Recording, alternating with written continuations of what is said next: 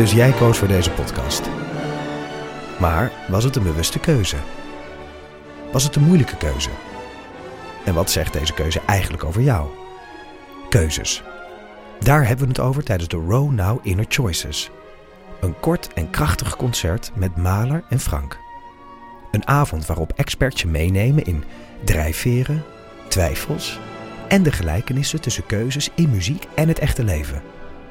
Kom 19 april naar het Residentieorkest in Den Haag. Een kaartje heb je al vanaf 20 euro. Hé, maar dit is een herkenningsmelodietje van een hele andere podcast, toch, Chris? Ja, dit is eh, de herkenningsmelodie van... Man, met de microfoon. Precies, een podcast, Chris, zeg het maar. Ja, vol echte en bijna echte verhalen. En wat is er nu bijvoorbeeld de laatste tijd in Man met de microfoon te horen? Eh, nou, verhalen rondom het bijzondere project Een Grote Bruine Envelop en mini-romcoms. Dus luister naar Man met de microfoon. Welkom bij de verhaalspecial van de podcastserie De Eeuw van de Amateur.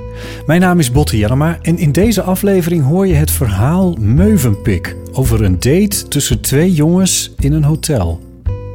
Collega Chris Baayema van De Man met de microfoon heeft in zijn podcast enkele bijna echte verhalen. En bijna echt is wat dit verhaal ook is.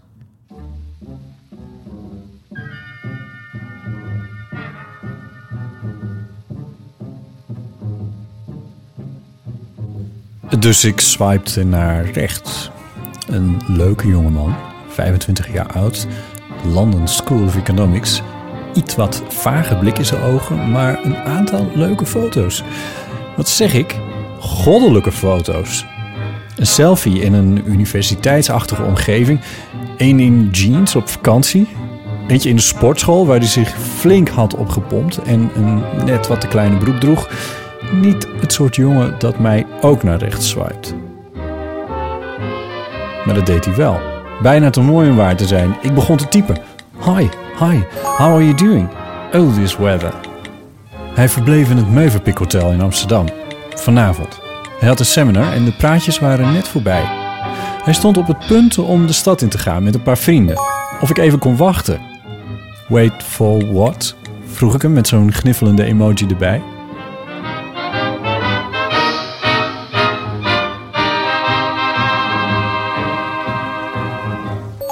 Hij wilde me wel ontmoeten, later vanavond.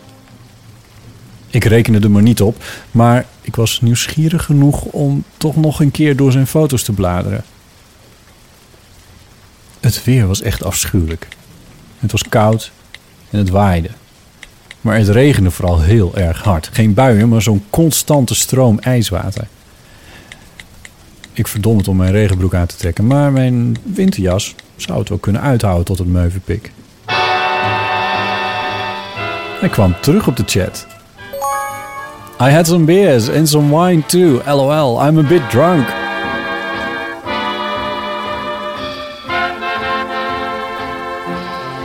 All I want now is to be sucked. LOL, zei hij. Nou, daar had ik niet meteen zoveel zin in, maar ja, die foto's. Het is echt een hank en hij bleef maar giechelen op die chat. Ik vroeg hem of hij echt drunk drunk was of dat hij gewoon vrolijk aangeschoten was. No, I'm not so drunk that I can't get a hard on, lol, schreef hij. Ik wil natuurlijk wel langskomen om die mooie jongen te zien, maar ik wil ook geen misbruik maken van de situatie. How long for you to get here? Send me a message when you're in the lobby. Don't fall asleep. It's quite an effort to get there through this storm, typte ik nog. LOL, no, I'll be awake.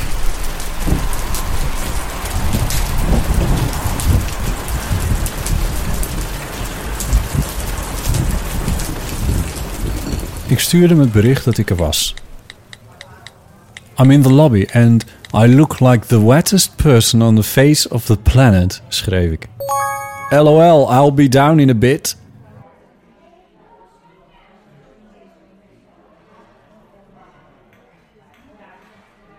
Ik weet niet hoe lang a bit precies is. Maar na een minuut of vijf checkte ik de app weer. De chat.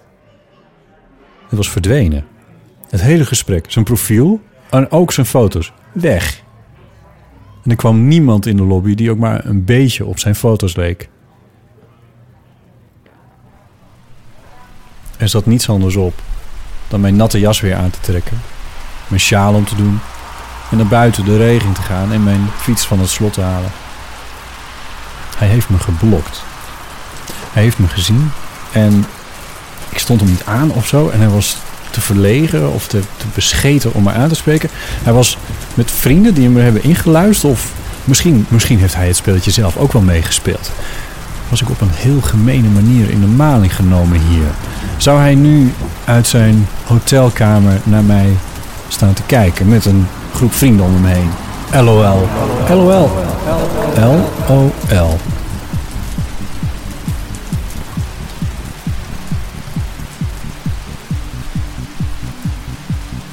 Ik besloot dat ik zijn School of Economics zou opbellen. Ik zou ze vertellen dat ik een serious message heb voor een van hun students die momenteel in het Mövenpick Hotel in Amsterdam verbleef dat ik als medical professional verplicht ben deze boodschap over te brengen. Aaron is in Amsterdam blootgesteld geweest aan het HIV-virus op een moment dat een van mijn patiënten zeer besmettelijk was. Het hoeft niets te zijn, maar het is van belang dat Aaron zich over drie maanden laat testen. Zolang duurt het namelijk voordat je het zeker weet. Het zal geen fijne tijd voor Aaron zijn, maar meer kan ik er ook niet van maken. Ik vertrouw erop dat u hem informeert. Sincerely yours.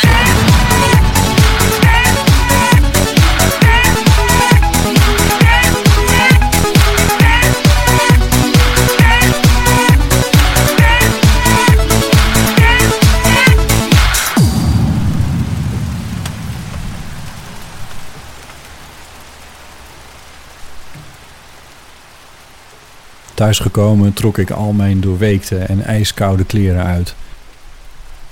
Ik werd langzaam weer wat warmer. Boos? Giftig? Vernederd? Nee, het was meer gesnapt, betrapt op mijn weak spot. If it's too good to be true, it probably is. En alles wat er voor deze les nodig was, was een beetje gezonde beweging en wat tijd om mijn kleren te drogen en een goddelijk mooie jongen.